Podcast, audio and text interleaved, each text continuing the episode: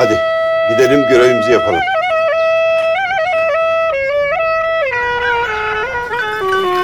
Bugün soğan olmuş kaç para? Hadi ya. Haydi. Yeter daha. Hadi. Ben gidiyorum. Haydi. Haydi tarih yazalım. Haydi. 20 yıldır aynı kişiye oy verdim. Artık yeter. Bıktık ya. Bıktık ya. Hoş geldin. Haydi. Birlikte sandığa. Hoş. Önce oyumuzu kullanalım. Haydi.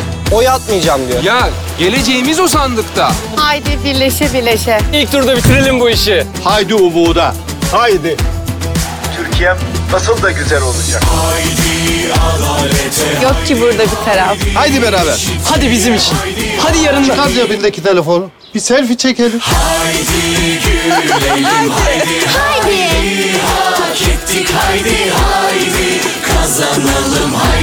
Haydi yeniliğe. Haydi. Haydi mutlu. Haydi hep birlikte sandığa. Sana söz Türkiye kazanacak. Haydi.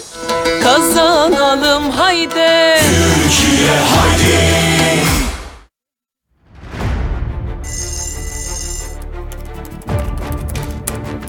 Hoşuma gitti. O Yıldıray Ordu diyebilirim. Okumadan olur mu ya? Buyurun. Başımıza taş düşer. Yok sen oku ben okuyayım. Şey oldu, krize... Bilgisayarım bozuldu, çok üzüldüm. Bilgisayarım bozulmuş. Depresyondayım.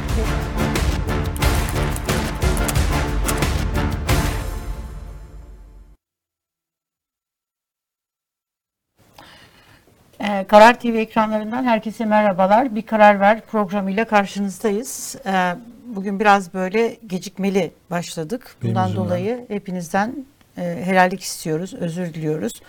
Helalleşme Ee, sürecim başlattı. Helalleşme süreci başlattık. E, Yayını önemli yani herkes burada bekliyor. Serhat Gün demiş ki muhtemelen yayından önce Mehmet Barlas ve Abdülkadir'in yazısını değerlendiriyor. Vallahi billahi öyle değil. Değil. Ben Değil sadece ya. Olsaydı e, öyle kazılan ve yolun ortasında kaldım. Y- yolu aşmaya çalışınca Yıldıray gerçekten arkasında da bir kazılmış bir yer çok olduğunu a- acayip böyle tam da seçim dönemi e, bir böyle şeyin Kumpas. yolun kumpa, kumpas Beni engellemeye çalıştı. engellemeye. Dış güçler Cambridge Analytica. Dark Web. dış güçler Yıldıray'ı engellemeye çalıştı bu yayın olmasın filan diye.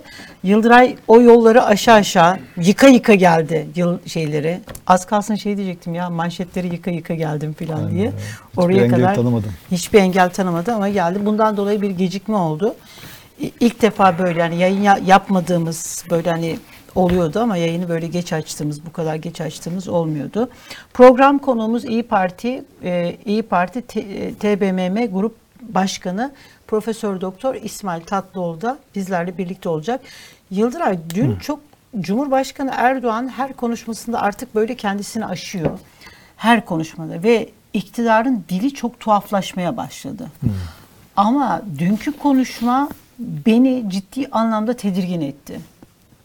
Neden? Ne de hangi bölümü? Yani işte şeyi söyledi ya e, şimdi Verilmeyecek. tam Var mı konuşmanın şeyi videosu bizde? videosu e, Yok. yok. Vi- Videosu yok ama ben şuradan şimdi yani herkes bunu Sağır Sultan'da duymuştur.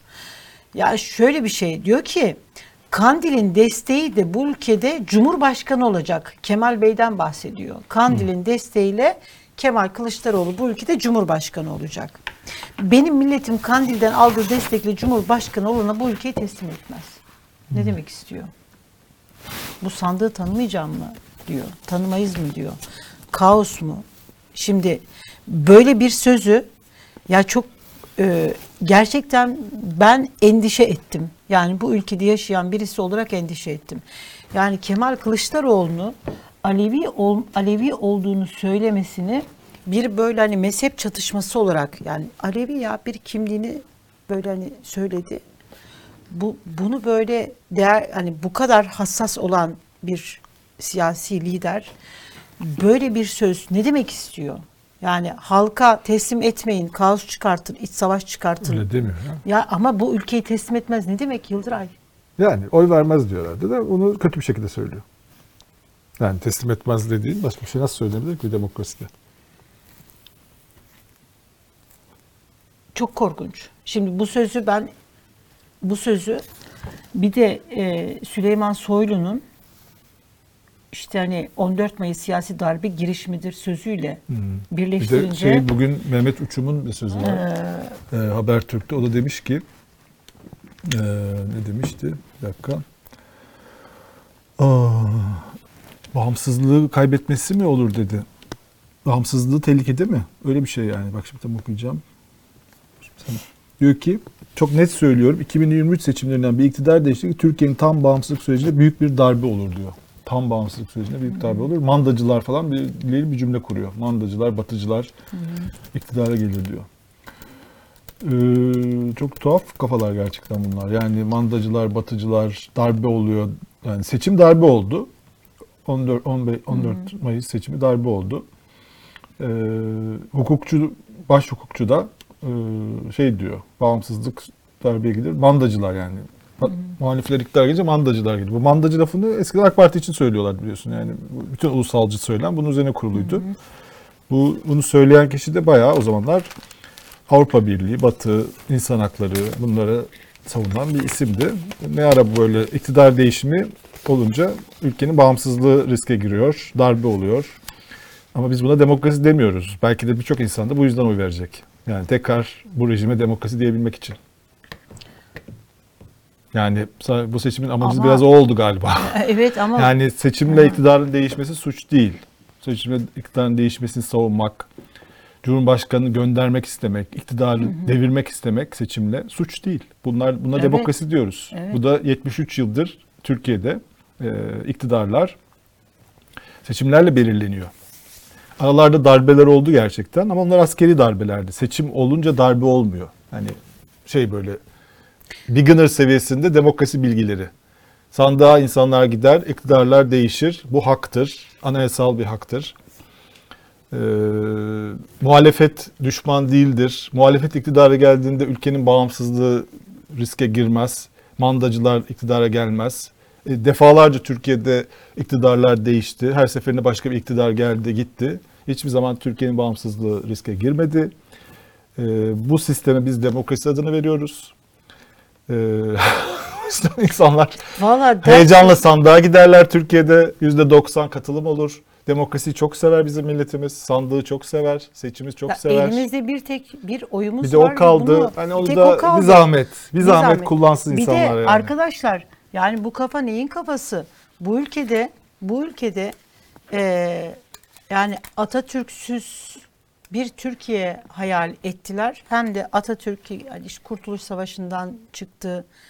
İşte hani eee, o zaman terakkiperveri kurdular. Bütün güç, bütün şey hani bu iş böyle diktatörlüğe karşı gidiyor diye eee, gitmesin diye ve e, Atatürk'ün o kadar böyle güçlü yetkilerle ülkeyi yönetmesin, şey yapmasın diye rakip, terakki perveri kurdu Atatürk'ün kendi silah arkadaşları. Kuruldu yani. Ondan sonra Serbest Cumhuriyet Fırka kuruldu. Atatürk sert bir şekilde eleştirildi ve bu, bunların hepsi Serbest Cumhuriyet e, Halk Fırkası e, Atatürk'süz bir Türkiye e, ve onu sandıkta yenmek için bu şey kuruldu. Bu ülkede Demirel'siz bir Türkiye düşünüldü, hayal edildi ve bu hiçbir zaman tarihin hiçbir döneminde bu suç olmadı, vatan ihanet de olmadı. Bu ülkede e, Turgut Özal'sız bir Türkiye hayal edildi. Bu hiçbir zaman e, bu suç olmadı. E, vatana ihanet şeyi olmadı. E, işte hani, Ecevit'siz bir Türkiye hayal edildi. Tansu Çiller'siz bir Türkiye hayal edildi. Ondan sonra ve iktidarlar hep muhalefet partileri iktidarı yıkmak için Demokrat Parti işte İsmet Paşa'sız bir Türkiye hayal etti. Sandıkta Evet, yendi. aynen. Bunların İsmet Paşa bir, evet, çünkü muhalefetin görevi yani. muhalefetin görevi işi ve seçim bir yarıştır. Mevcut iktidarı, Mevcut iktidarı mevcut iktidarsız bir Türkiye hayal etmektir Evet, muhalefetin evet. işi. ve iktidarı yenersin. Evet, İtibarsızlaştırırsın. Yaptığı yanlışları ortaya koyarsın. aynen. Ondan sonra da sandıkta onu yenersin. Bu da suç değil. Allah'ım Demokrasi bunun ne şey adı ya. gibi böyle Aa. Hani bir tane karikatür var ya bir tane e, böyle takım elbiseli bir adam e, taş devrinde bir adama bir şeyler izah etmeye çalışıyor. E, bunu bunu vallahi bunu, Bugün bunu demokrasi döndük ya. anlatmaya çalışıyoruz. Seçim var hani sandık böyle oy veriliyor. Böyle mühürler, Mühürler var. veriliyor. Sonra böyle sandıklarda sonuçlar oluyor. Sonra hani gece hani ana va- şey oluyor AK Parti. Hani bir karikatür var ya. Padişah şey anlatmaya çalışıyorlar. Ee, seçim sistemini. Şey, Sakin ol. Hayır hayır şey değil. Bir Abdülhamit gibi işte bir, bir dönem Osmanlı padişahına ikna etmeye çalışıyorlar. Meclis demokrasiye geçelim diye. Bir tane adam diyor ki şimdi karikatür tarif etmek çok kötü ama diyor ki işte padişahım diyor bak çok güzel diyor. Seçim gecesi diyor ana vatan var diyor doğru yol var diyor böyle grafikler oluyor diyor. Ya Ömer Çelik hangi kafa? Ne içiyorsunuz siz ya? Ne içiyorsunuz siz? Bunlar diyor toplantılar iktidarı dev- şey yapacaklar hani sandıkta yenecekler Erdoğan. Abi yani büyük bir sır. Ya sana sen seni ben şeye böyle arkadaşlar 100 bin imza filan bu e, şeye biz e, Guinness Rekorlar kitabına girmesi için 100 yılın böyle şeyini çözdü, sırrını şey yaptı. Ondan sonra e, bundan dolayı se- seni böyle aday gösterelim, sen aday ol. Ya da hani e, ne yapalım büyük devlet sırrını böyle hani şey yaptığın için Erdoğan sakın sana kızmasın. Yani büyük bir sırrı sen ifşa ettin.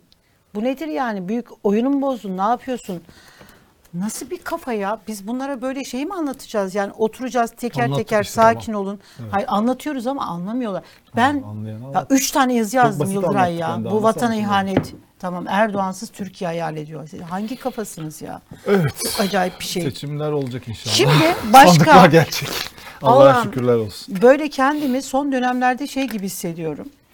Bu meşhur hani bir Çin atasözü var ya enteresan dönemlerde yaşayasınız filan diye. Çok garip bir dönemden geçiyoruz.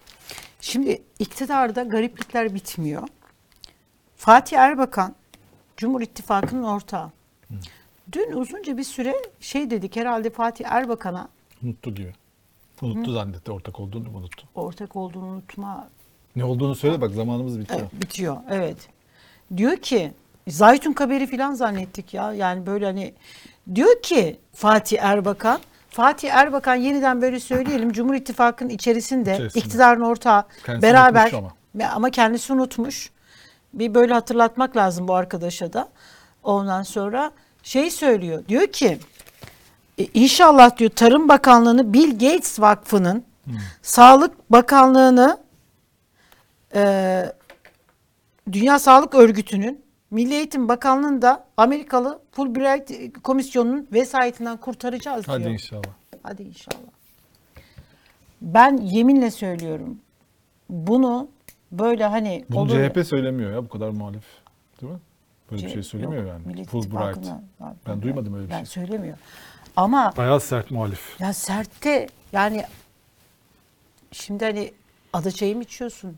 Başka bir şey mi içiyorsun? Hani ne oluyor? Ama bence bir- e, çok şey bir şey yapıyor. Yani AK Parti tabii şu anda tamamen e, Cumhurbaşkanı Erdoğan seçilmesine odaklandıkları için e, bütün bunları hoş görüyorlar. Yani AK Parti'ye oy vermese de aleyhine çalışsa da e, yeniden Refah, MHP, Büyük Birlik Partisi Cumhur İttifakı logolarıyla giriyorlar. Evet. Hüdapar şeyde e, sadece Hüdapar AK Parti ile ittifak yaptı aslında.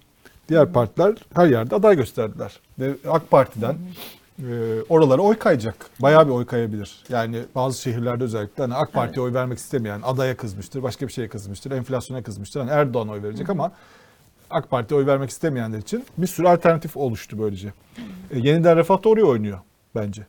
Bence Yani Erdoğan'a oy veriyorsun. Hani Erdoğan'a da oy istemiyor. Ben yeniden Refah'ın Erdoğan'a oy istediğini hiç duymadım. Mesela MHP istiyor değil mi? Türkiye'nin her yerinde Devlet Bahçeli, Tayyip Erdoğan'ın fotoğrafları var.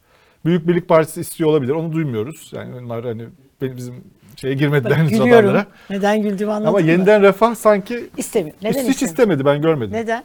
Biz bunu burada açıkladık. Yeniden Refah da tuttu beni tekzip eden yani tekzip ediyormuş gibi yapan bir açıklama yaptı. Ben de onlara yani emin misiniz deyip Twitter yani sosyal medya hesabından söylemiştim. Şimdi ortadaki sorun şu aslında. Bir bunu şimdi sen konuşurken bir aydınlanma yaşadım.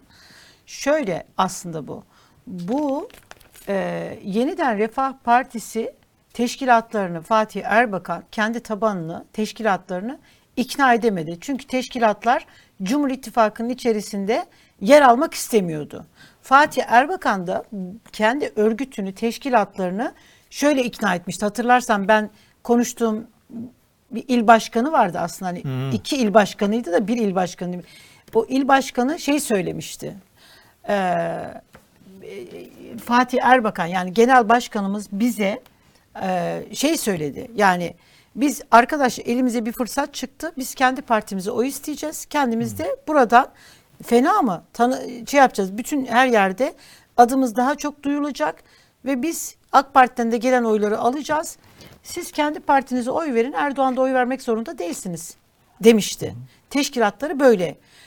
Ondan sonra ve şey de e, buna rağmen teşkilatları ikna olmamıştı. 14 il yeniden Refah Partisi'nin 14 il başkanlığı 14 il işte teşkilatı da e, kesinlikle hani Fatih Erbakan'ın bu sözüne binaen Erdoğan'a asla oy vermeyeceklerini açıklamışlardı ve Kemal Kılıçdaroğlu'na oy vereceğiz demişti. Yani benimle konuşma böyleydi. Daha sonrasında büyük istifalar da oldu biliyorsun bu Cumhur İttifakı'nın içerisinde yer alma. Yani yeniden refaha tepki çok büyük. E, muhtemelen Fatih Erbakan diyor ki biz ye- bu Cumhur İttifakı'nın içerisinde yer alıyoruz ama arkadaşlar biz bir meclise girelim. Takiye yapıyorlar. Biz bir meclise girelim. Meclise zaten biz buraları kurtarmak için Yani mücadele orada bir edeceğiz. Sürpriz sonuçla karşılaşabilirler yani. Evet. Bayağı Çok. gidebilir onlara. Bakalım nasıl olacak. Evet. Çok acayip bir şey. Gerçekten garip. Ee, konuğumuz e, hazırsa yavaş yavaş biz e, konuğumuzu al- alabiliriz. Bu e, şey haberi var. Cumhur İttifakı'nın ortaklarından yeniden Refah Partisi'nin Düzce'deki seçim aracında kadın milletvekili adayı Çiğdem Kulalı seçkinin fotoğrafı kullanılmadı. Bir bakalım mı arkadaşlar ona?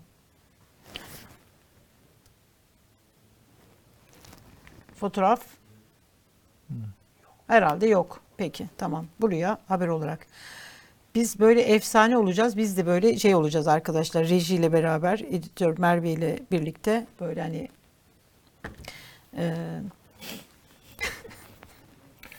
Ee, onun Evet. bir şey var. Onlar onu yapmış. Bir, birisi de espri yapmış. Ee, Hüdapar'da açıklama yapmış. Ee, kadın adayın zaten ne iş var ki orada diye. fotoğraf, fotoğraf geçtik. Yani siz hayırdır ne kadın adayı diye. evet. Neyse, Allah Çok acayip bir şey. Ee, evet, e, konuğumuz hazır mı arkadaşlar? Hazırlanıyor. Evet. Bu arada e, bu şey de ilginç. Bu e, Kemal Kılıçdaroğlu'nun Dark. Dark Web, Uyarısı. Cambridge Analytica falan o uyarıları ona da e, Cumhurbaşkanı İletişim Başkanlığı da cevap vermiş. E, tuhaf biraz. Yani bu Cambridge Cambridge Analytica tamam böyle bir şey var. Niye böyle Dark bir şey Web. yaptı? Yani bunu herkes anlamayacağı bir şey yani. Niye bunu Cumhurbaşkanı böyle bir şey adayı böyle yani? bir şey yazıyor şu anda e, diye. Yani bir şeylerden bence şey yapıyorlar. Yani böyle bir kaset mi çıkacak? Bir şeyler fotoğraf mı çıkacak? Yani o dark şeyler yapıyor ya. Deep fake diye bir şey var. Yani olmayan insanları aynı şekilde şey yapıyorlar. Belki böyle bir bir takım kasetlerden bahsediliyor. Sürekli bir hani var ya Evet. LGBT'ler, kasetler bir sürü iddialar şey yapılıyor. Yani bu seçime bir hafta kala böyle biliyorsun her türlü yeraltı, bel altı işler e, yapılır yani ne işe yarayacaksa. E, yani Ben çok fazla algılayamadım yani bu hani e, Yani çok Cumhurbaşkanı önemli adayının- açıklamalar yapıyor. adayında adayının yapmaması gereken bir açıklama. Yani başkası yapsın. Şimdi bu Cambridge Analytica nedir? Yani Türkiye'de yüzde bir bile onu anlamıyor. Cumhurbaşkanı adayı şu anda 85 milyona hitap ediyor. Onun attığı tweetler de o yüzden önemli. Bir uyarı yapılacaksa başka birisi yapsın. Varsa böyle bir uyarı ihtiyaçları. Onu başka birisi yapsın o zaman. Peki tamam şeyi nasıl değerlendiriyorsun Yıldıray? Bu e, Halkbank Genel Müdürü Ha- Hakan Atilla bunun yurt dışına çıkışı engellendi. Bu da çok acayip bir şey. Yani bu mesela yurt dışında değil. E, gel Yıldıray.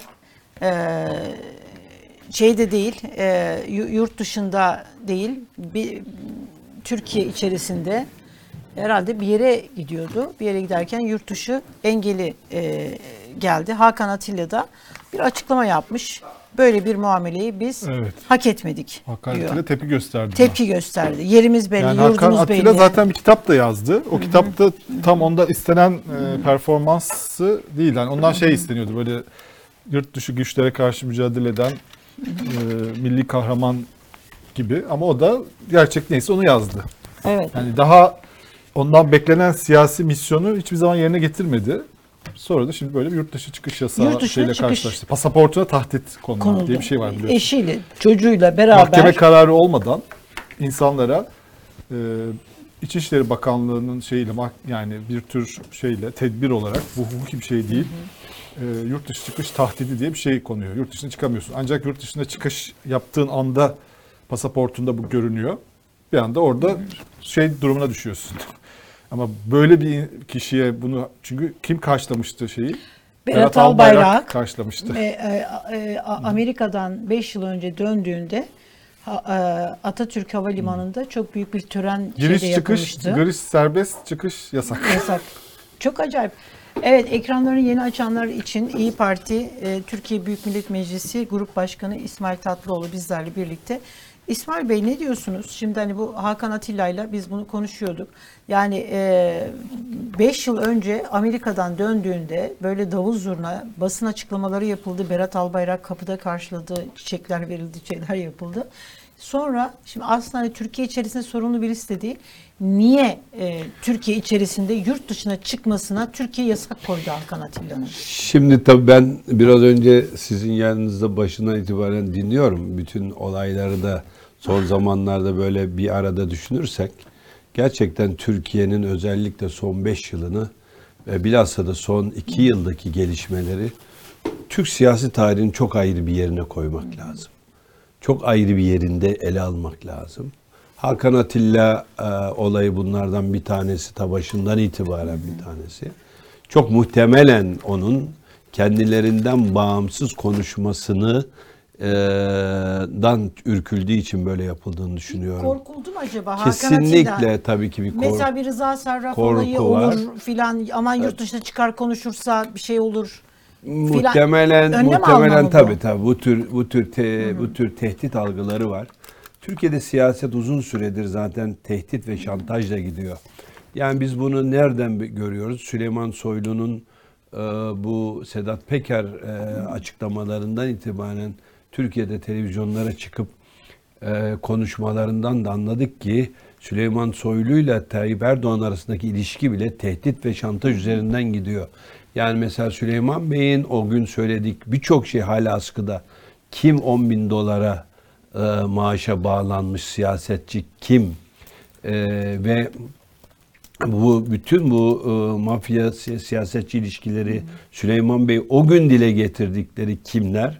Bunlar kendisine basın tarafından veyahut da e, birçok e, alanda soruldu. Hatta genel e, e, meclis genel kurulunda bizzat da soruldu. Yani bunu neden özellikle bunu söylüyorum? En baştaki ilişkilerin bu çizgide yürüdüğü bir Türkiye var. O nedenle bütün alttaki aktörleri bir arada koy- koyduğumuzda ne yazık ki bugün e, siyasi iktidar içerisindeki siyasi ilişkilerin, birlikteliklerin bile bu çizgi üzerinden gittiğini görmek çok üzücü. İşte bu nedenle de Türkiye'de esas olan birinci şey değişim. Yani bugün e, siyasal iktidarların değişim için dünyada birçok neden var. Birçok şey var. Yani ekonomik olarak sıkıntılar olabilir, politikalar yanlış olabilir, değişim istersiniz.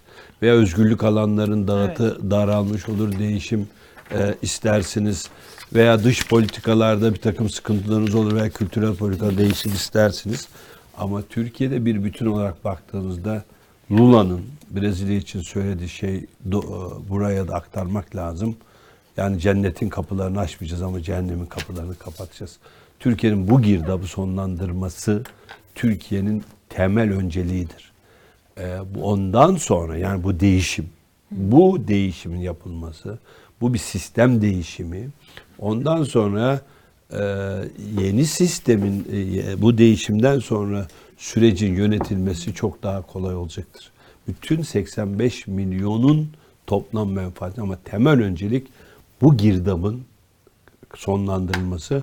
Aksi takdirde bugünkü siyasal iktidarın sürdürülebilmesi çok daha otoriter uygulamalarla mümkün olacaktır. Yani bu e, diyelim ki şimdi Cumhur İttifakı'nın kazanması durumda Türkiye aşağı yönlü çok ciddi bir otoriter kırılmalara neden olur. Bunun hiç başka bir yolu yok. Çünkü dünyada örnekleri var ve dünyadaki örnekleriyle bugünkü siyasal iktidarı sürdürebilmenin hukuki alanda, özgürlük alanlarında daraltmadan daha başka bir ikinci yolu yoktur. Bu Hakan Atilla konusu da çok özel bir uygulama. Keyfi bir uygulama. Yani neyle olur bunlar bellidir. Bir kişi yurt dışına neden çıkamaz? Belli. Yani Türkiye'de diğer uygulamalar gibi siz bir yazı yazıyorsunuz. e, Ben yazıyorum, hepimiz yazıyoruz ama kimin kapısına istenirse sabah 5'te 6'da polis onun kapısını çalıyor. Kimi isterse onu ifadeye alıyor. Kimi istenirse o zengin ediliyor. Kimi istenirse o işe alınıyor. Bu keyfilik ve bu işte bu pa- parti devleti tam da bu. Ben e, tam da bu olduğunu e, söylüyorum. Özellikle de e, sizin yine yorumlarınızı e, dinledim e, bir dışarıda. Özellikle bir tehdit dili var Niye bu tehdit bu tehdit dili Türkiye'de var ama ya bu dünyada bu hep olmuş şeyler. Mesela Stalin şöyle söylüyordu. Diyordu ki ben gidersem emperyalistler sizi ezer. Dolayısıyla bu dil Fra bu dil Merkel Almanyası'nın dili değil. Bu dil daha önceki otoriter Almanya'nın dili. Ben gidersem Yahudiler sizi ezer. Ben gidersem dış güçler sizi ezer. Bugün bu dil modern İspanya'nın dili değil. Bu dil Franco İspanya'sının dili. Bu dil otoriter bir dil. Ben olmazsam yandınız. Bir topluma diyorsunuz ki 5000 yıllık devlet geleneği olan. Hiç endişe etmeyin demek lazım. Şimdi mesela 1950'de biz ne yaptık? Otoriter bir yapıdan sivil bir yapıya geçtik. 1963'te ne yaptık? Askeri bir yönetimden sivil bir yönetime geçtik. 3 Kasım 1983'te askeri yönetimden sivil yönetim. Şimdi sivil yöneticilerimiz askerleşiyor. Sayın Baş Cumhurbaşkanı'nın Son pozunu mu Son kastediyorsun? tabii ki. Tavırları da öyle. Düşünün siz. 10 yıllarca milletin parasıyla askerlik yapmış, Genelkurmay Başkanı olmuş, Milli Savunma Bakanı olmuş kişi aynı makam koltuğuyla e, milletvekili adayı. Kendileri memurdur. Yani bu bakanlık el- önceki bakanlık değil ama onun dışında düşünün şimdi bütün muhalefeti teröristlikle suçluyorsunuz. Bunu bir başkası yapabilir. Yanlıştır ama Genelkurmay Baş- makamında okuturmuş, Türkiye'de Milli Savunma makamında oturan bir kişinin bu dille yakından uzaktan ilgisi olmaması lazım. Bu makam sahibi çıkıp şöyle demeli. Türkiye'de hiç kimse merak etmesin. Biz görevimizin başındayız. Hiç kimsenin teröre alet olmasına müsaade etmeyiz ve terörü de bu noktaya getirmeyiz demesi lazım. Adalet Bakanı'nın bir daha kimse endişe etmesin. Biz buradayız. Evet. Herhangi bir kişinin bir grubun terörle bir sı- sık ilişkisi varsa biz buna müdahale ederiz demesi lazım. Şimdi biz yüz binlerce askeri neden e, e, Türk Silahlı Kuvvetli olarak güçlü bir ordumuz var? Savaşmak için değil, savaşmamak için var. Savaş olmasın diye var ordularımız. Adalet Bakanlığımız bu sıkıntılar olmasın diye var. Dolayısıyla devlet dediğimiz kurum etkin, güçlü liderlik yok. Etkin liderlik. Güçlü liderlik yani otoriter liderlikle karıştırılıyor. O nedenle mesela Tony Blair güçlü lider değil mi? Merkel güçlü lider değil mi?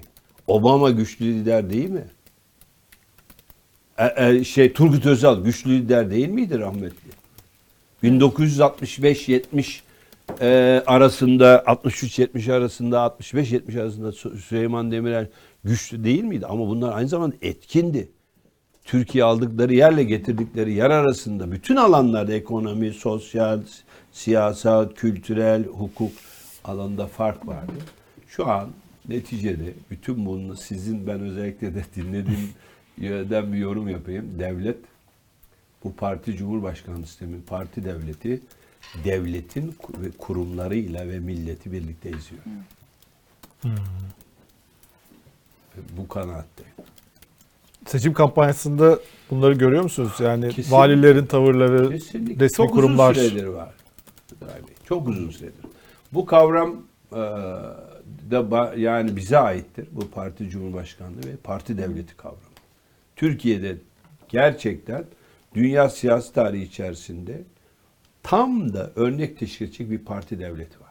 Bakın 1946'larda devletin partisi vardı. Çok devlet parti iç içeydi ama bir devletin partisi. Şimdi bir parti devleti var. Yani o ona muhalefet, devlete muhalefet. Ona bir söz, devlete bir söz. Böyle bir Türkiye, Türkiye böyle ileri gidemez.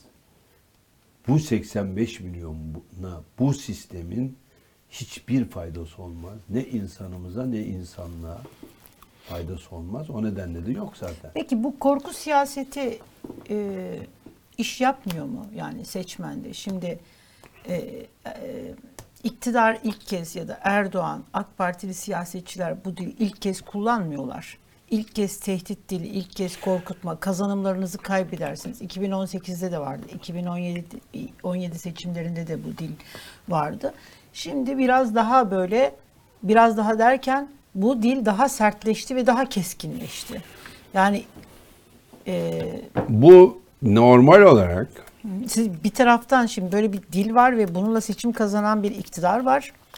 Siz de diyorsunuz ki değişim olacak diyorsunuz. Yani e, demek ki iş yapıyor ki buna Şöyle bir sarılıyor. şey söyleyeyim. Değil yani mi? Türkiye'de daha önce şöyleydi. Daha önce muhalefet gerekli güveni verdiği için, veremediği için seçimi AK Parti kazanıyordu.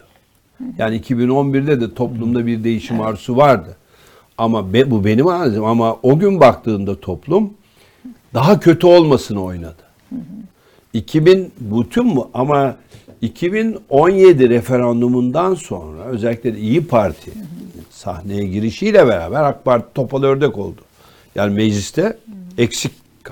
Evet. Yerel yönetimlerde büyük met- metropollerde siyasal iktidar tasfiye oldu. Şimdi genel de tasfiye olması e, yani e, bu si- siyasal bir süreç olarak.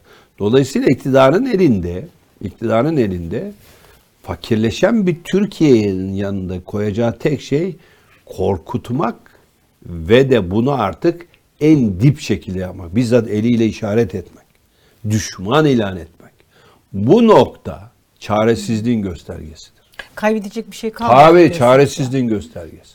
Yani siz şimdi bir cumhurbaşkanı danışmanı ve etkin bir cumhurbaşkanı danışması 14 Mayıs'ta Türkiye bağımsızlığını kaybeder diyorsa bir e, sandıkla kaybeder diyorsa. Da siyasi darbe girişimi a, diyor. Tabii bu absürt olduğunu falan söylememizin anlamı yok. Bu bir korkunun ifadesidir.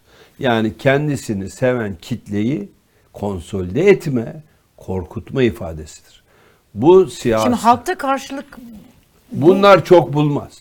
Bunlar ilave ilave taraftar yaratmaz. İlave seçmen yaratmaz bunlar.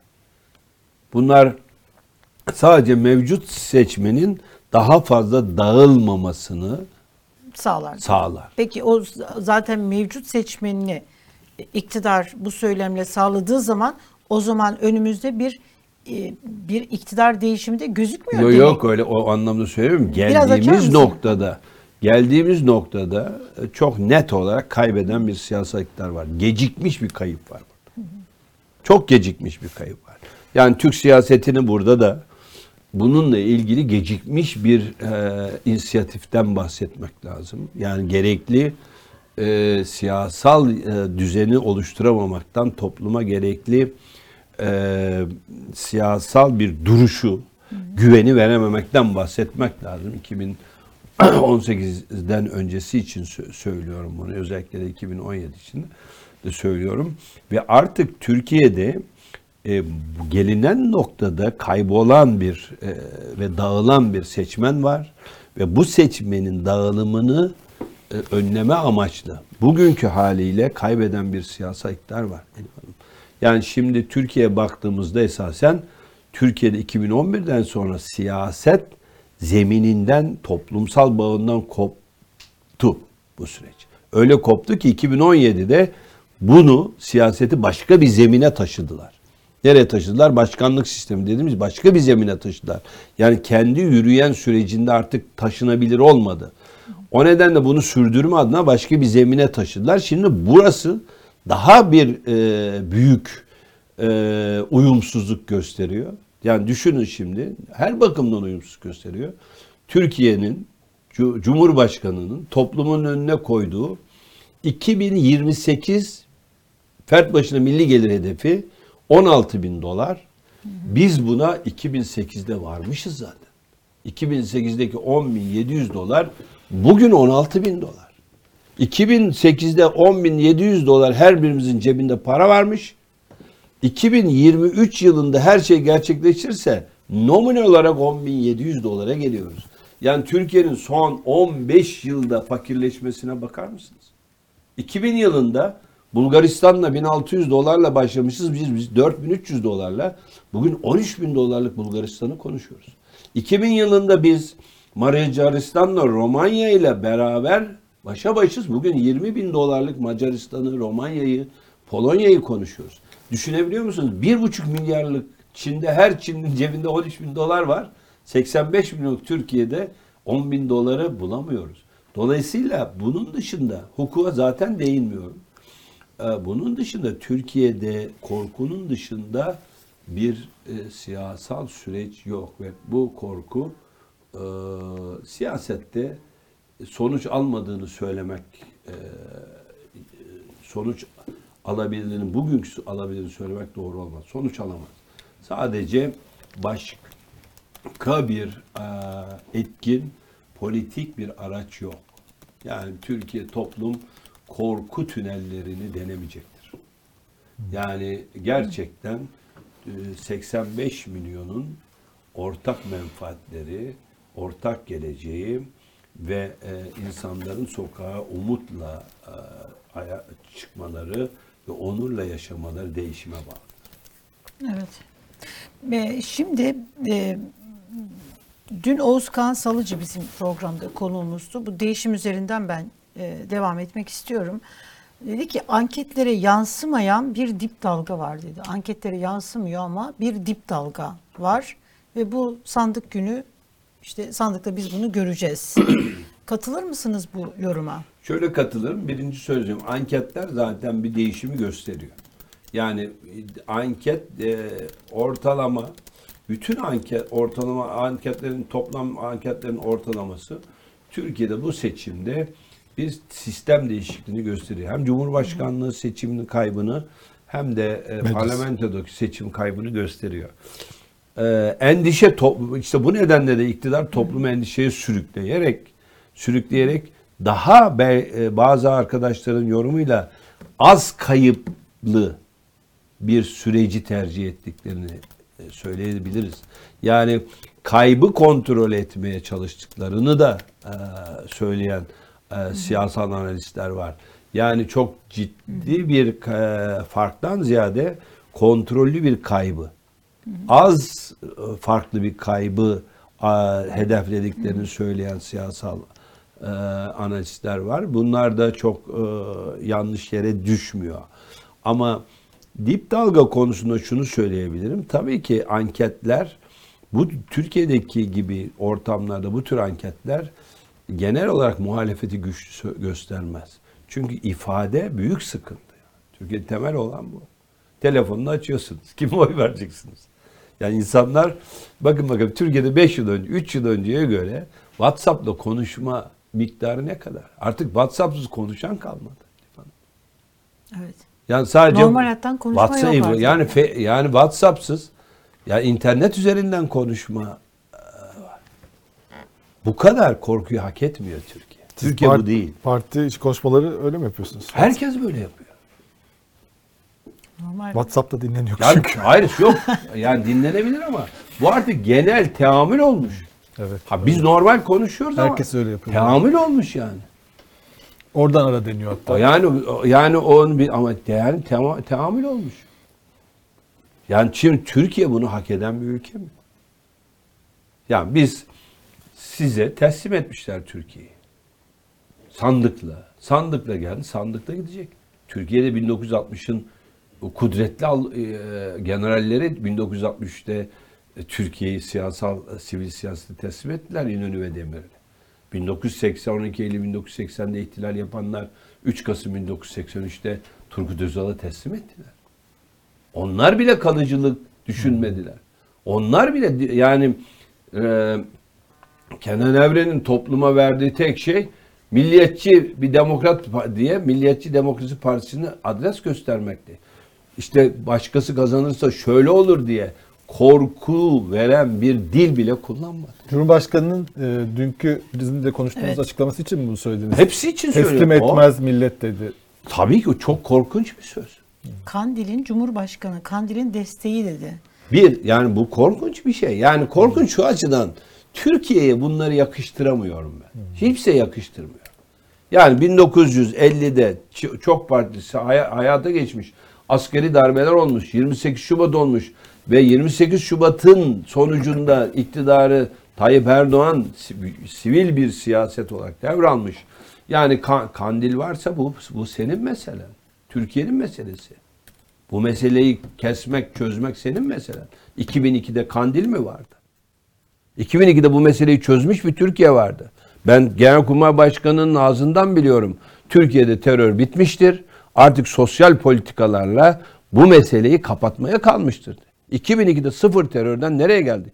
Bugün Bu- bunu bilmeyenler için 2002'de PKK Kandil diye bir yer yoktu. yoktu PKK tabii. kampında. Tabii yani şeydi. 1998'de Sonra geldi. 2003'te Abdullah geldi. Öcalan'ın yakalanmasıyla başlayan bu genel kurmayda e, ve e, siyasal iktidardaki değişimle bu politikadaki e, kadrolarda, askeri kadrolar değişimi, politikada değişim, Ateş Paşa'nın Suriye sınırında konuşmasını hepimiz biliyoruz. Onun konuşmasıyla, birinci Ordu Komutanı'nın konuşmasıyla başlayan süreç terör örgütü başını e, yakalanmasına ve bakın o gün terör örgütü başını Suriye'den sonra Türkiye'nin gücüne bakın ne Rusya koruyabildi.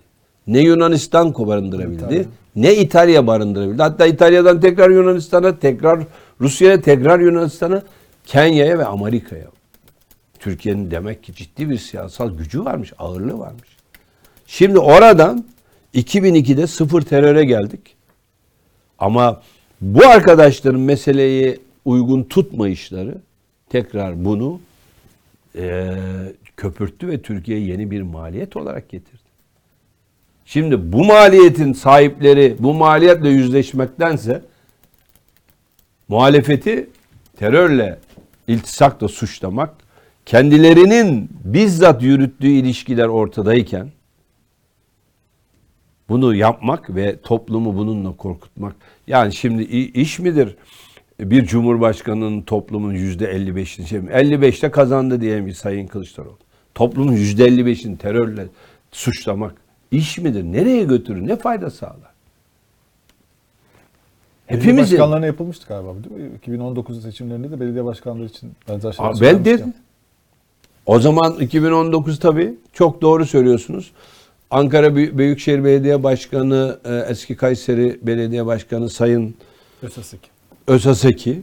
Ben bizzat gördüm otobüsün üzerinden su saatlerinizi PKK'lılar okuyacak. Ve su e, faturalarınızı da eve DHKP'ciler getirecek diye. Bu korkuyu verdi. Bir işe yaramadı. Yani dolayısıyla bu korku politikası toplumun huzurunu bozmaktan, enerjimizi başka yerlerde tüketmekten e, başka bir işe yara- yarayacağını zannetmiyorum. Toplumda bu biraz daha fazla değişim e, şeysini, e, düşüncesini sertleştirecektir. Yani değişimi daha fazla hızlandıracaktır diye düşünüyorum ben şahsen. E, peki nasıl görünüyor şu anda kampanyada e, miting, ortak mitingler yapılıyor şimdi. İzmir'de yapıldı. Vallahi- İstanbul'da yapılacak. Miting, ortak mitingler de güçlü, e, bireysel mitingler de güçlü. Yarın Bursa'da saat 14'te e, Sayın Genel Başkan'ın e, İyi Parti'nin mitingi var. E, Sayın Mansur Yavaş da Cumhurbaşkanı ya- yardımcı adayı Sayın Mansur Yavaş da, da katılacak e, var. Gerçekten çok iyi bilgi var ama daha ziyade toplumda ben benim gördüğüm kararsız yok. Yani kararsızlar hani e, anketçilerin bile ciddi bir e, şeyle e, bir değer olarak bulacakları bir kümeleme yapacakları bir değerde bile değil. Toplumda bir karar var e, ve bir bu karar üzerinden seçime gidecek. Ben gördüğüm toplum kararını vermiş ve bekliyor diye düşünüyorum ben. Yani bu dip dalga hem e, bizim yani İyi Parti için söylüyorum hem de Cumhurbaşkanlığı için söylüyorum. San ölçü sandık ölçülemeye ölçülenden daha fazla bir sonuç ortaya koyacaktır diye düşünüyorum.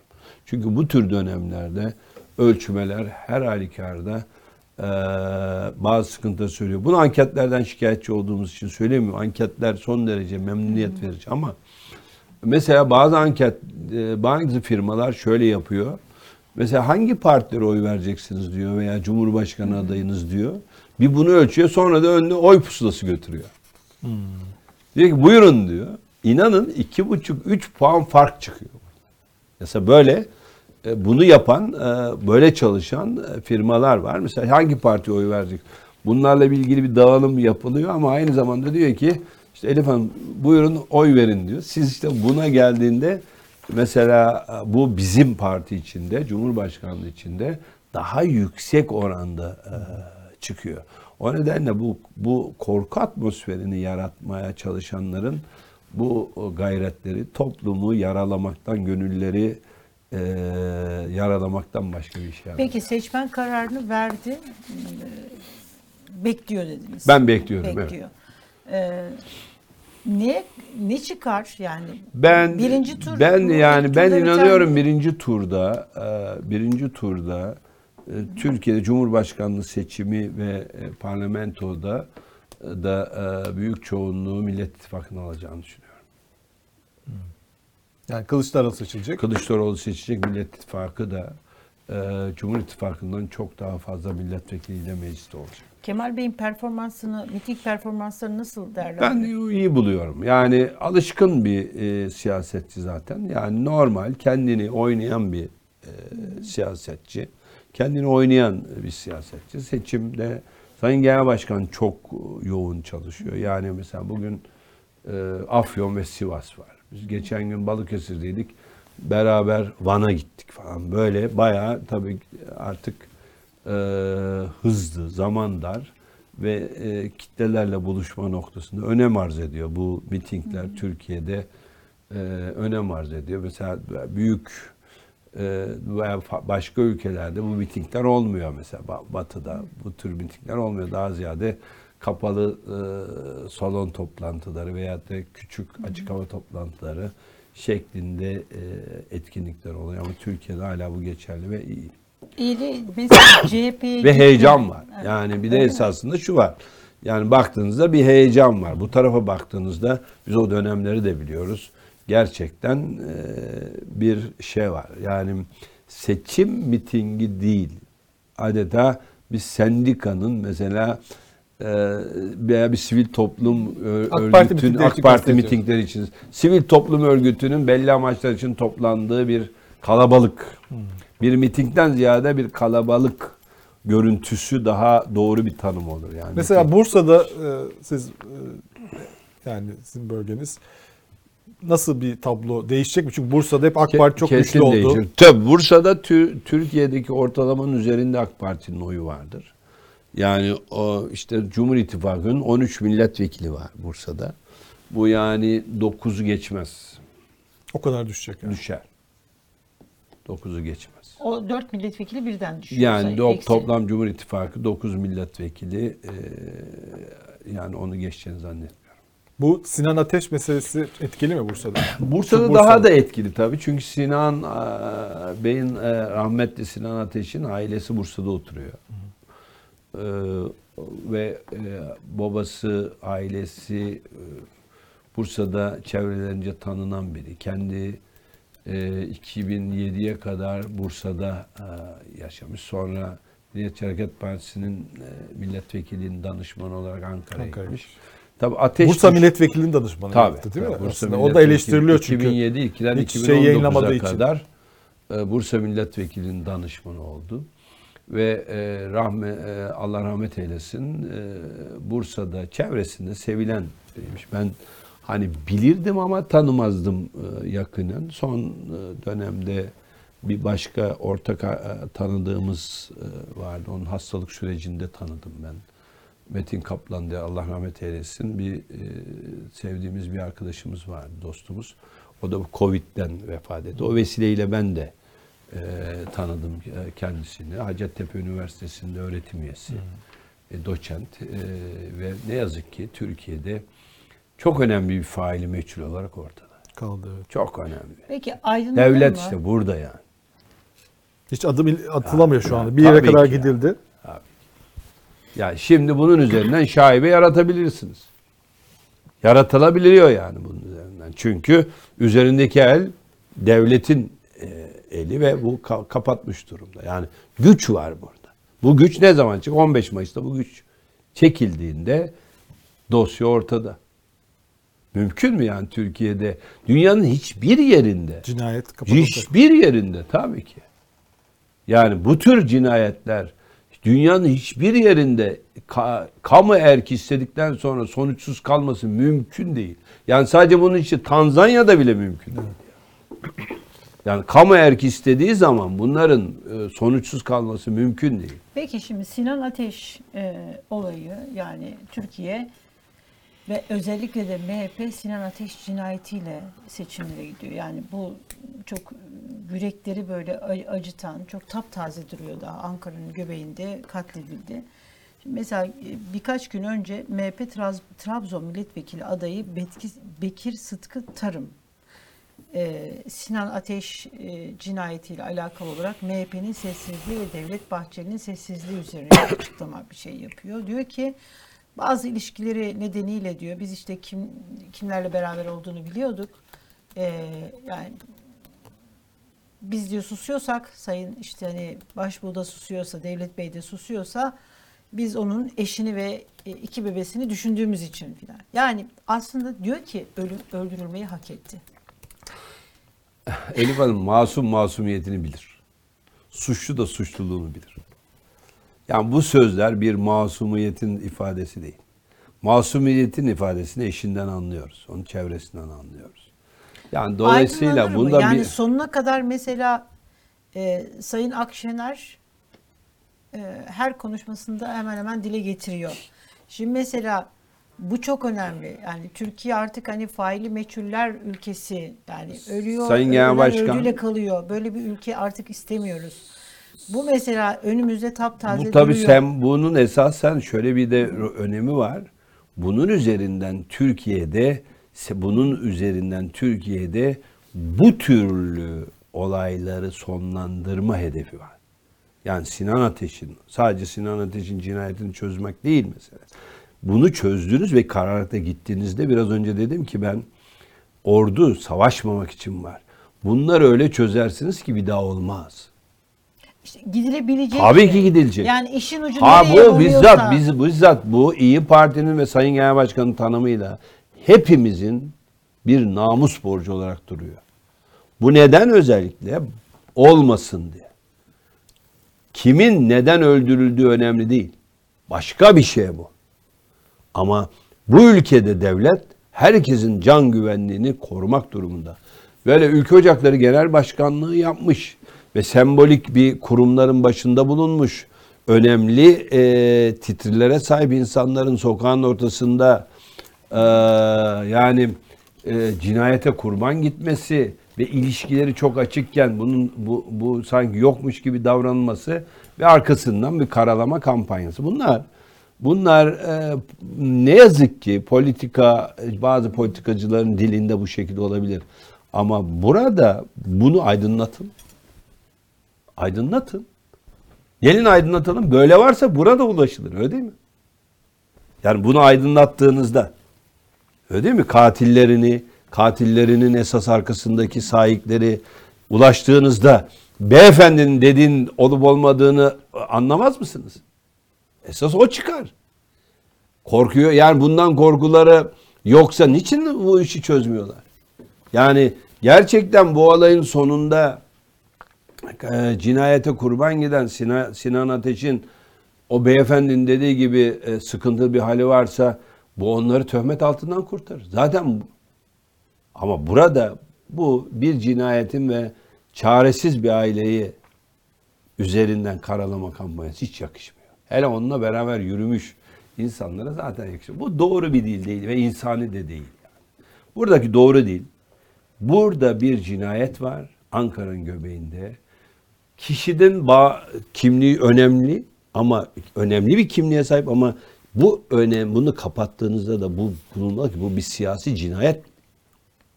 Siyasi cinayet mi? Siyaset cinayet. Bir daha bunlar olmasın. Bunların çözülmesi bu.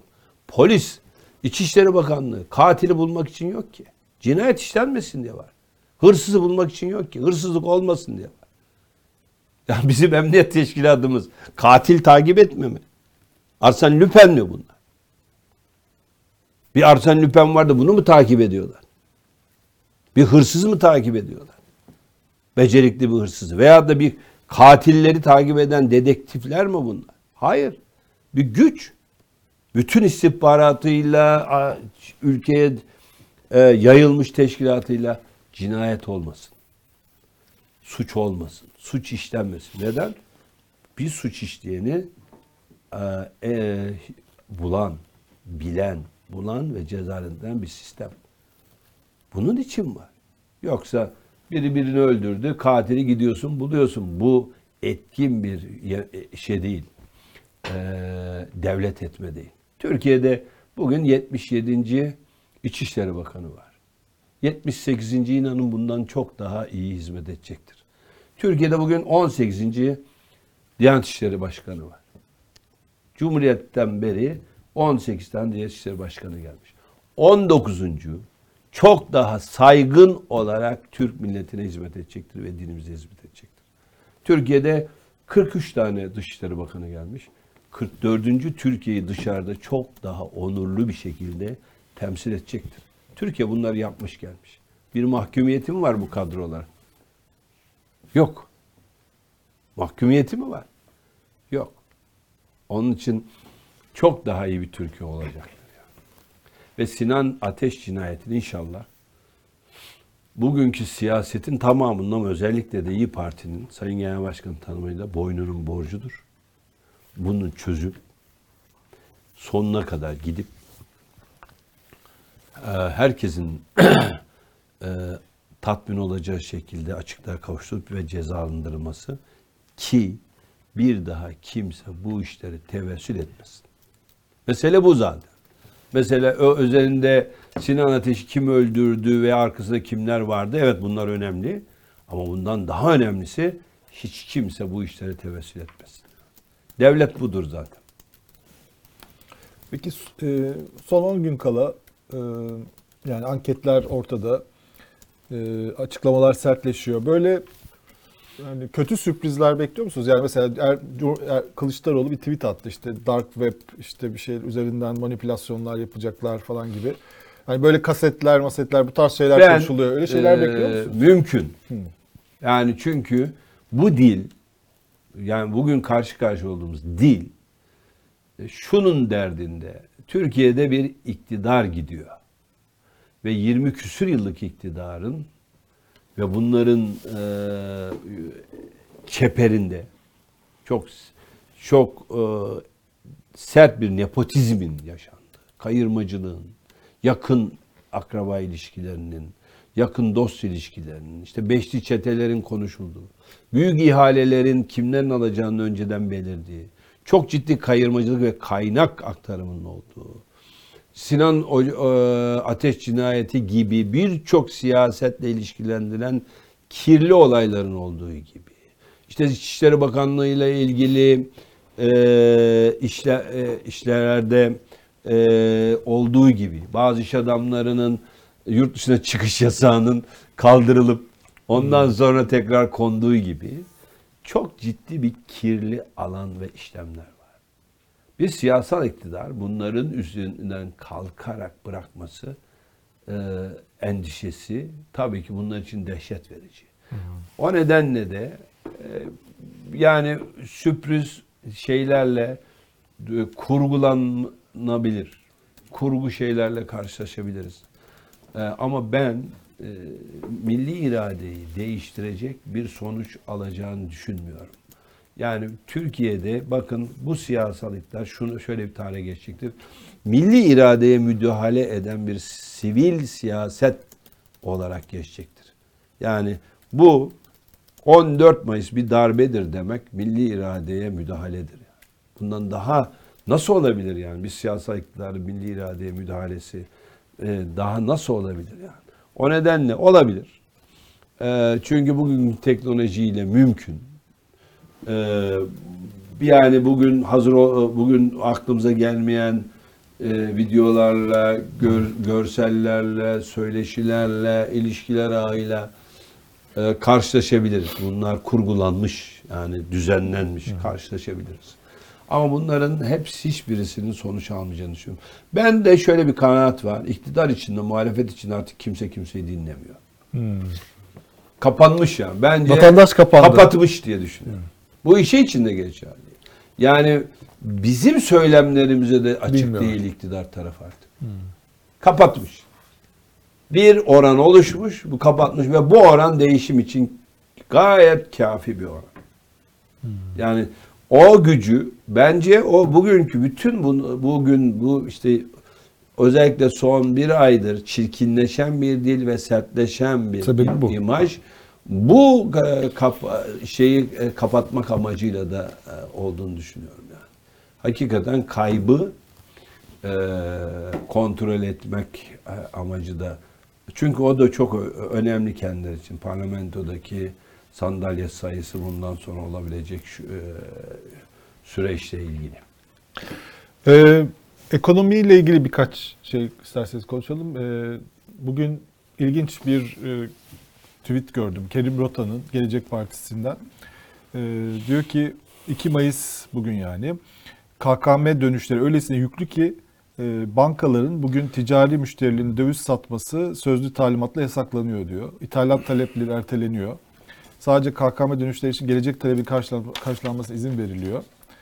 Ee, 2 Mayıs'ın 3-4 katı KKM dönüşü ise 15 Mayıs'ta diyor. Bu diyor büyük bir itibar açığı tam da budur diyor. Şimdi şöyle e, abi, 6 Şubat'ta deprem olduğu gün saat 11'di galiba 10 muydu? 10-11 gibi Sayın Genel Başkan bir e, toplantı yaptı. Biz o gün gittiğimizde işte bazı arkadaşlar deprem bölgelerine çoktan gitmişler. Orada seçim ertelenir mi sorusu geldi gündeme. Benim düşüncem ertelenmeyeceğiydi. 14 Mayıs'ta olacağıydı. Neden diye sordu Genel Başkan, Sayın Genel Başkan. Ben ekonomi dedim. Çünkü o gün dövize aşağı yukarı yüzde 13'ler oranında faiz veriyordu bankalar. Türkiye'nin sürülebilir, taşınabilir, uzatılabilir bir pozisyonu yok.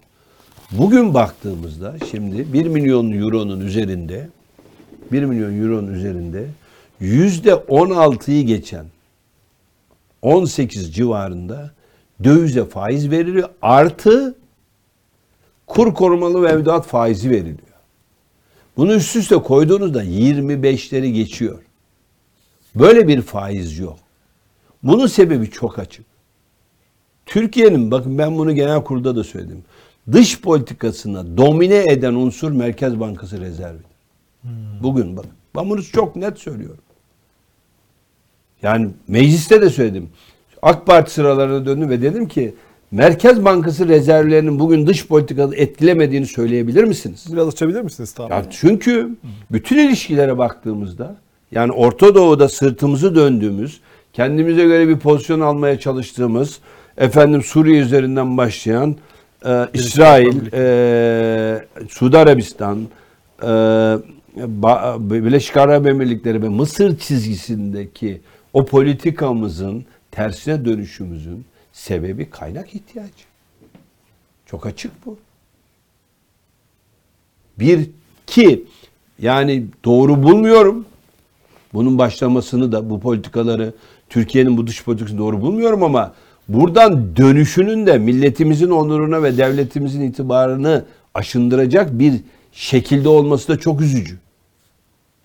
Yani şimdi burada so- Rusya ile götürülen politikalar, e, yurt dışı ile götürülen politi- politikalar birçok şeyle kapatılmak istenebilir. Propaganda gücü var çünkü devletin. Devlet yani iletişim başkanlığı bugün artık Devlet Propaganda Bakanlığı'nın e, bir başka adı. Bütün bu propaganda içerisinde baktığımızda bunlar kapatılabilir, farklı e, aktarılabilir, algısı farklı sağlanabilir ama Türkiye'de Merkez Bankası'nın başa baş olabilmesi için bugün 50 milyar dolar para koymamız lazım. Ki başa baş dükkanı kapatabilelim. Şimdi buraya nereden geldik? Buraya nepotizmden geldik. Bu sadece Türkiye'nin değil ki. Dünyanın neresinde başkanın, damadını hazine bakanı yaparsanız, onun arkadaşını da Merkez Bankası Başkanı yaparsanız Türk, o ülke bu şeyleri yaşar. Aynı işte Kızılay'ın, AFAD'ın yaşadığı gibi. Burada nepotizm, liyakatsızlık, kayırmacılık bu sonucu nasıl veriyorsa orada da bunu verdi. Depremde çok durum çok net. Yani bir bir ahbap e, bir sivil toplum kuruluşu, bir sanatçının başında olduğu kuruluş bütün devletin tamamının toplumundan daha itibarlı hale geldi. Şimdi Merkez Bankası bugün Merkez Bankası ile yaşadıklarımız Türkiye'yi ipotek altında bırakan bir süreç. Bu sürdürülebilir değil ki. Altın satışı doğru mu? Doğrudur.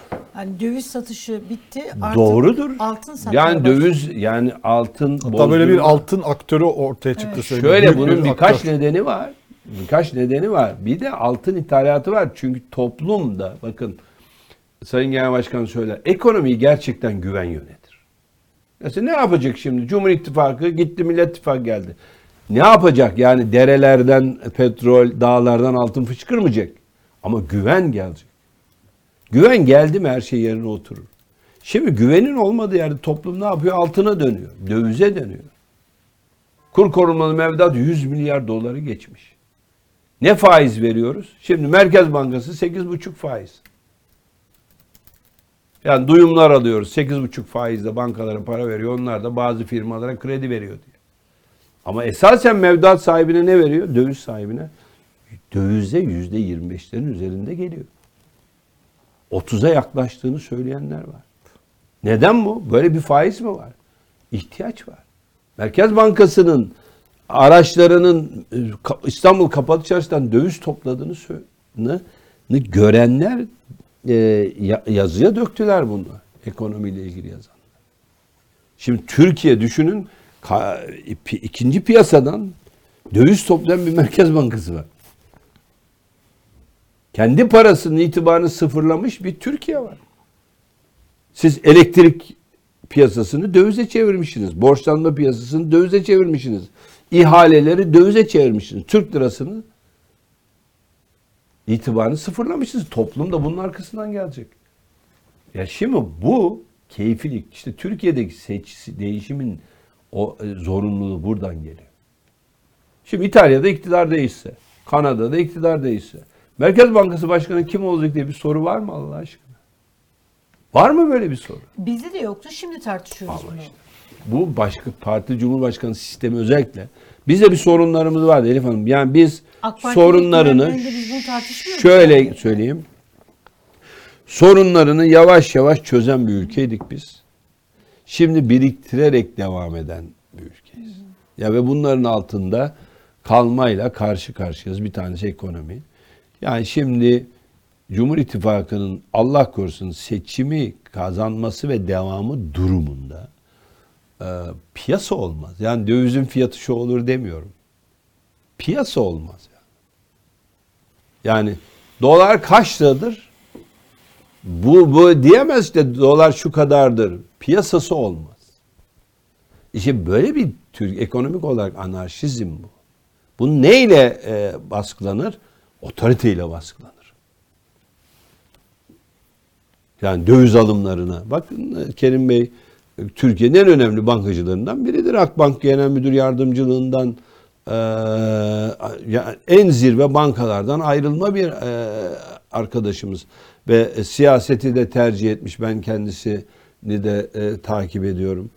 Yani şimdi Türkiye'de bu bu anlamda biz de Bilge Yılmaz Bey'in uzun süredir sosyal medya üzerinden paylaştıklarını koyduğumuzda.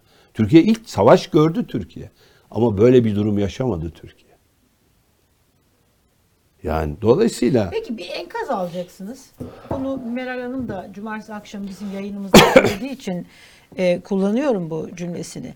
Dedi ki biz 15 Mayıs sabahında bir enkaz devralacağız dedi.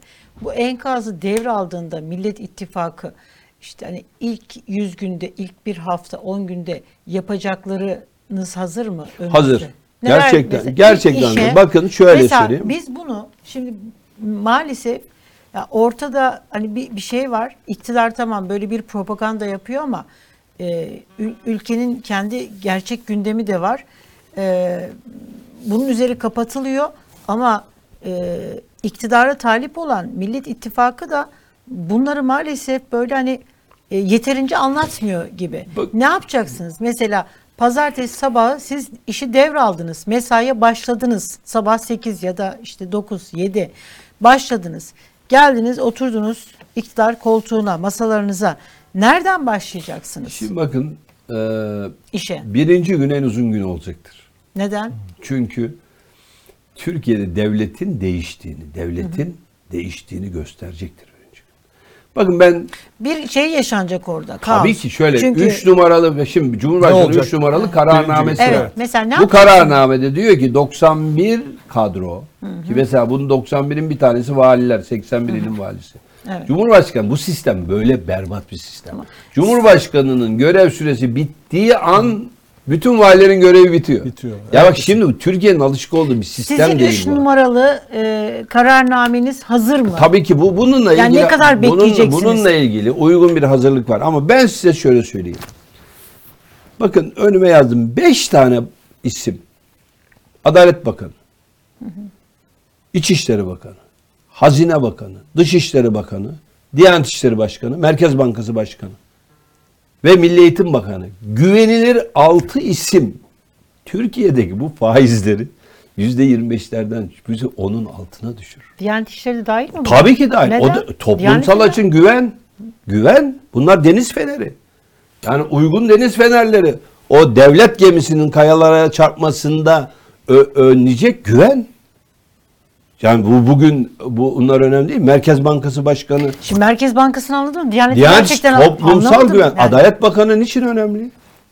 Çok önemli. Adalet Bakanı Merkez Bankası Başkanı'ndan daha önemli faizler için esasında. Adaleti hükmediyor. Yani siz Türkiye'ye adalet ve liyakatın Kapıkule'den girdiğini hissettiğinizde Türkiye başka bir Türkiye olur. Bu yüzde 25'lerdeki faiz çok hızlı bir şekilde yüzde onların altına düşer. Türkiye bir yatırım gerçekten içeriden bırakın dışarıdan öyle hani Sayın Kılıçdaroğlu'nun 300 milyar dolar falan içeriden çok ciddi bir yatırım coşkusu olur. Ben bu 300 milyar doları da anlayamadım. Onu da Onu soracağım sonra size. şey söyleyeyim ama mesela içeriden şimdi mesela altın kim alıyor bunu? KKM'ye kim dönüyor bunu? İnsanlar varlıklarını bir yatırım yapmıyorlar. Artık nakitte geçiriyorlar. Ne yapıyorlar? Merkez Bankası'nda KKM pardon bankalarda kur korumalı mevduatı dövize döndürüyorlar. Altına döndürüyorlar. Şimdi bu insanlar e, Türkiye'nin ben şunu söyleyeyim. Sayın Tayyip Erdoğan bana 16 Mayıs'ta döviz kurunun ne olacağını söyleyemez. Siz söyleyebiliyor musunuz? Ben ben de söyleyemem. Ama ben O zaman fark nerede? şöyle söyleyemem. Bunla, yani bugünkü ortam içinde söyleyemem. Ama ben şunu söylerim. Türkiye'de döviz piyasası, para piyasası ve ekonomi çok hızlı bir şekilde piyasaları net görüle, görülebilirliği artacaktır. Yani 15 Mayıs'ta siz Türkiye'nin 3 ayını görebilirsiniz. 20 Mayıs'ta 6 ayını, 1 senesini görürsünüz. Türkiye'nin 20 Mayıs'ta ben e, Türkiye'nin bir senesini görürsünüz. Gördüğünüz andan itibaren zaten Haziran'a geldiğinizde Türkiye'nin 5 yılını görürsünüz. Çünkü bunları gösterecek şeyler devleti domine edecek kadrolar ve politikalar. Şimdi bir Adalet Bakanı geldiğinde ve siz inansan inan e, toplum evet Türkiye'de artık adalet ve liyakat Kapıkule'den girmiştir e, inandığınızda davranış şekli başka olur. Ben size iki tane örnek vereyim bakın. Birisi Almanya'da. Ben kendim yaşadım. Almanya'da eşimin bir düğünü için gitmiştim. Damat bizi Hamburg'da karşıladı. Ben de takıldım. Dedim ki sen dedim evleniyorsun neyle bakacaksın hanıma falan. Lübnanlı bir şey alıyormuş. Dedi ki Ekim ayıydı. Yıda Bey dedi ki Şubat'ta savcı olacağım İsmail amca dedi. Dedim hadi dedim ben, sen dedim hem Türksün hem Müslümansın Almanya'da seni kim savcı yapsın dedi. Bana biraz döndü kızdı dedi ki ya İsmail amca ben bütün imtihanları verdim dedi. Kim engelleyecekmiş dedi. Şimdi bu güvene İstanbul Üniversitesi hukuktan birinci sınıftan bi- birinci mezun, birinci derece mezun olan bir arkadaşımız sahip değil. Şimdi cumartesi günü Bursa Kitap Fuarı'nda Murat Ağırel aradı. Onun kitabı için imza imzasına için gittim. O kuyrukta bir bayan geldi. Dedi ki ya İsmail Bey dedi ben sizi buradan biliyorum. Benim oğlum 87 aldı dedi. Ya niye bayan diyorsunuz? Ben şimdi buna Kadın. takıldım. Kadın değil, hanımefendi değil. Niye bayan? Şöyle bayan hanım dendiği dediğimde zaman de şöyle bana- bir şey. Ka- hanım dediğimde de çok kızlar. Hanımefendi Ben diyeyim. plan bütçede. Yok, yok, hani hanımefendi Sadece diyeyim. kadın dedim ben hanımla hanımefendi Evet. dedim çok Neyse, kızlar. konuyu dağıtmayalım ama ben bir taktım Şimdi böyle, tamam. bir kadın hanımefendi geldi.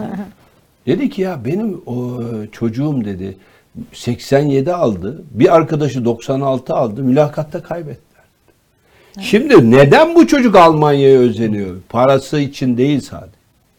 Şimdi Türkiye'de eğer siz ben hak edersem hak ettiğimi olurum diye inanıyorsanız başka bir Türkiye olur. Mesele bu. Şimdi bu inanmıyor. Neden inanmıyor?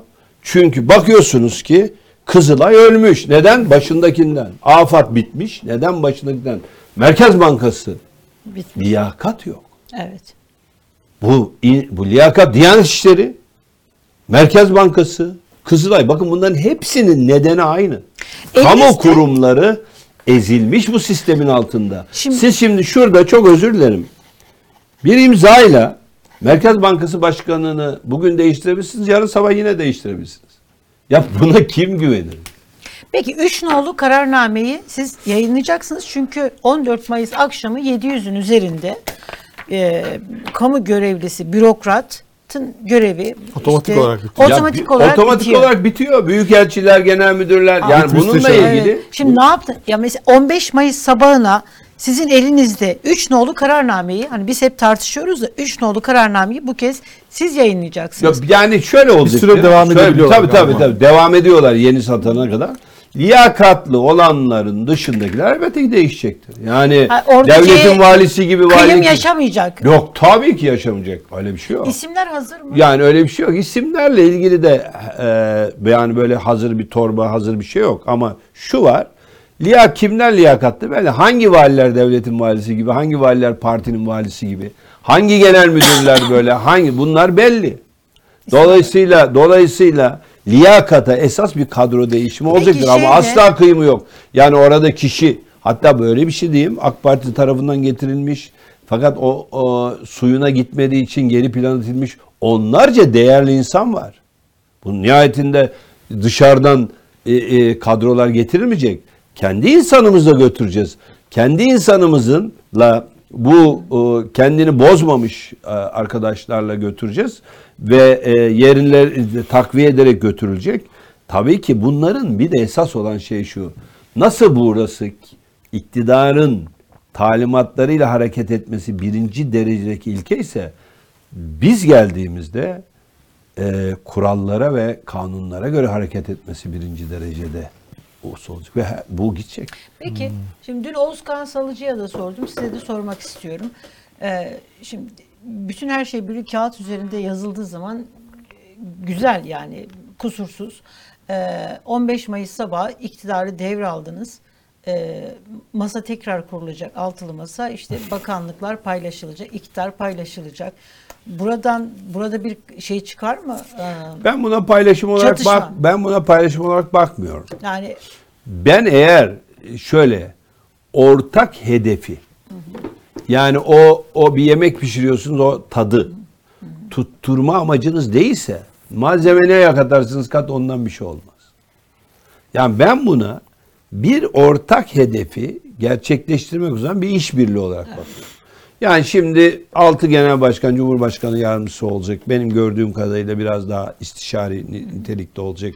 İki tane belediye başkanı Danışman. görevleri tanımlanmış şimdi. Tanımlandı. Birisi, Açıkladı onları birisi şehirlerin yeniden imarı için çok önemli.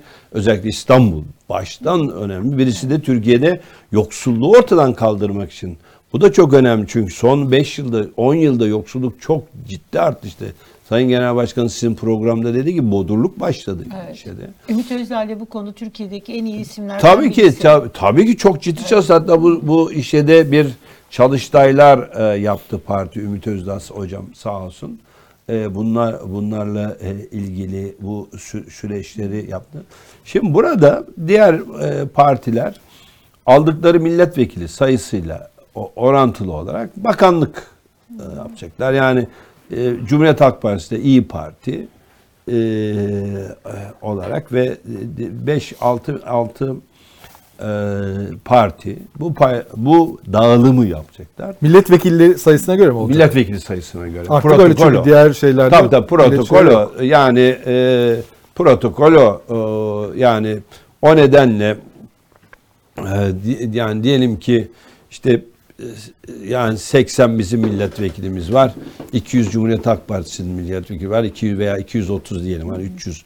Ona göre bir e, dağılım e, olacak diğer partilerle beraber. Do- e, o şekilde bir e, dağılım olacak.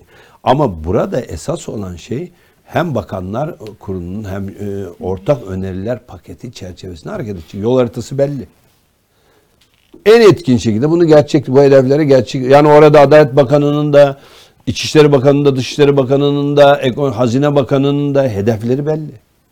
Bunlar önceden oturulmuş, konuşulmuş ve o e, öneriler paketi olarak e, bir hükümet programı gibi belli. Ayrıca bizim e, çok ciddi bir se- seçim beyannamemiz var. Yani bunu destekleyici nitelikte. O nedenle orada kadrolar ve kadrolar performanslarıyla tabii ki performans etkili olacak. Performans yani şimdiki itaat değil performans. Performansında düşük olan değişir yani işi, e, içerisinde hani. Ama temel olarak e, aileye yakınlıkla, saraya yakınlıkla, e, akrabalıkla, arkadaşlıkla dan bağımsız bir kadro düzeni olacak. O yani gerçekten de liyakata esas bir sistem içerisinde. Türkiye'nin kaynakları Türkiye'ye yeter. Yani ben şöyle diyorum. Türkiye'nin kumaşı herkesin giyinmesini sağlayacak şekilde ihtiyaçları karşılar ama Türkiye'de temel olarak liyakat e, ve adaletin eksikliği e, gerçekten bir savrulmaya neden oluyor. Bugün işte ben Bursa'dan gelirken geçtim Osman Gazi Köprüsü. Çok basit bir örnek vereyim. Üç tane köprü. Birinci 15 Temmuz veya e, Boğaziçi Köprüsü. İki Fatih Sultan Mehmet. Üçüncüsü de Osman Gazi Köprüsü. 1973 yılında faaliyete geçmiş birinci köprü. 2020 fiyatlarına göre 530 milyon dolar.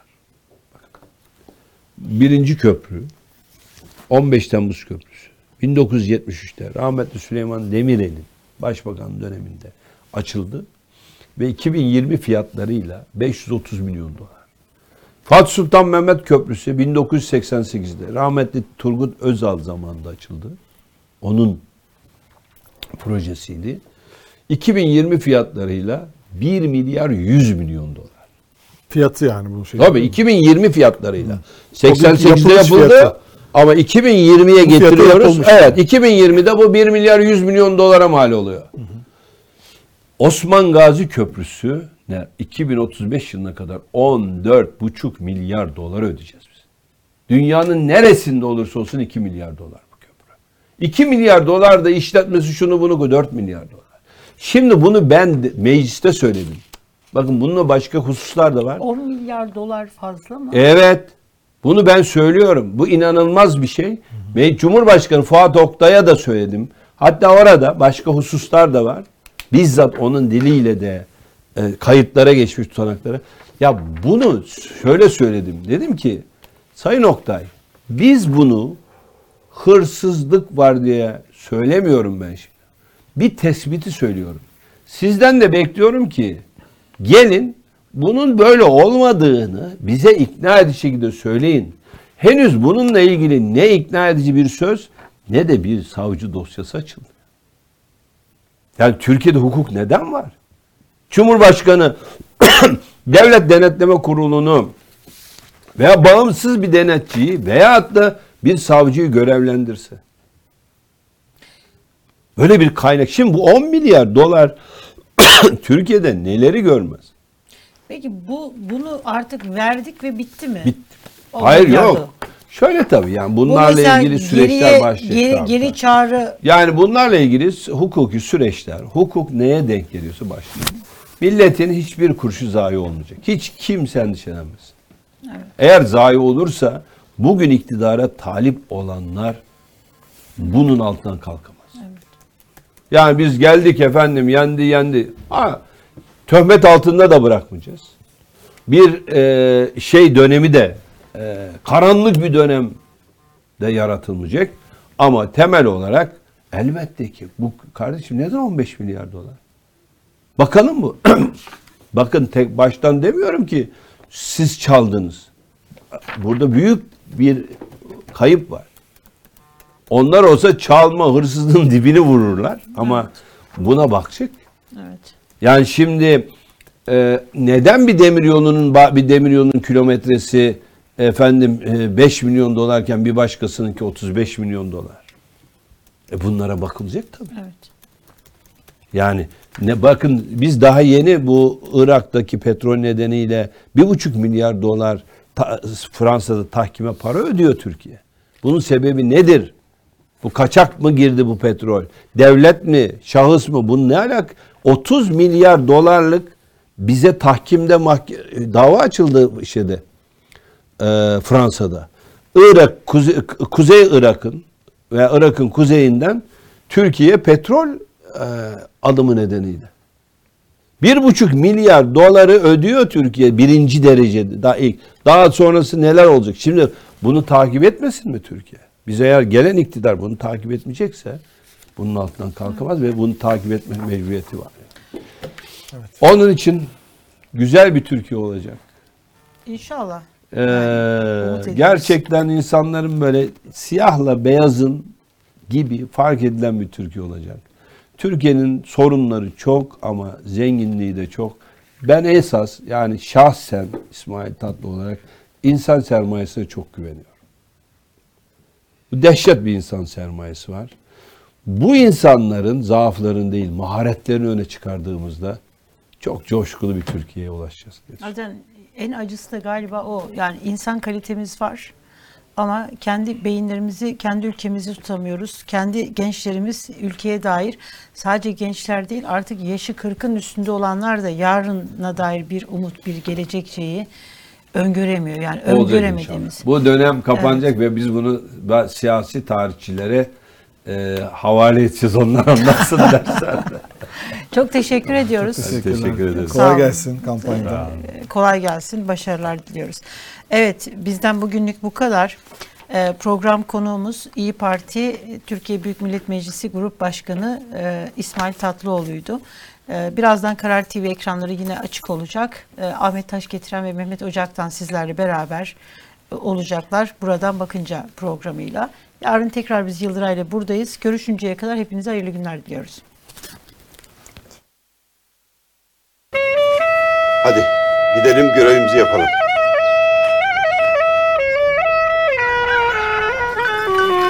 Bugün soğan olmuş kaç para? Hadi ya.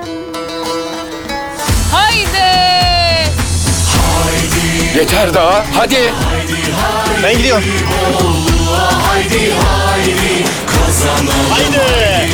Haydi tarih yazalım. Haydi. 20 yıldır aynı kişiye oy verdim. Artık yeter. Bıktık ya. Bıktık ya. Hoş geldin. Haydi birlikte sandığa. Hoş. Önce oyumuzu kullanalım. Haydi. Oy atmayacağım diyor. Ya geleceğimiz o sandıkta. Haydi birleşe birleşe. İlk turda bitirelim bu işi. Haydi umuda. Haydi. Türkiye nasıl da güzel olacak. Yok ki burada bir taraf. Haydi beraber. Hadi bizim için. Hadi yarın. Çıkar cebindeki telefonu. Bir selfie çekelim.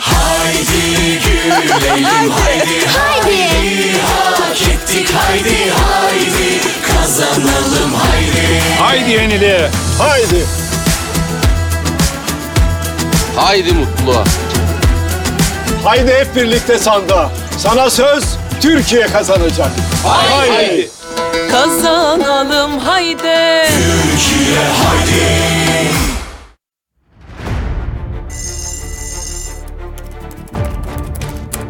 Bir hoşuma gitti. O Yıldıray Ordu diyebilirim. Olmadan olur mu ya? Başımıza fazla bir şey. Yok sen oku ben. Şey oldu, krize Bilgisayarım bozuldu çok üzüldüm. Bilgisayarım bozulmuş.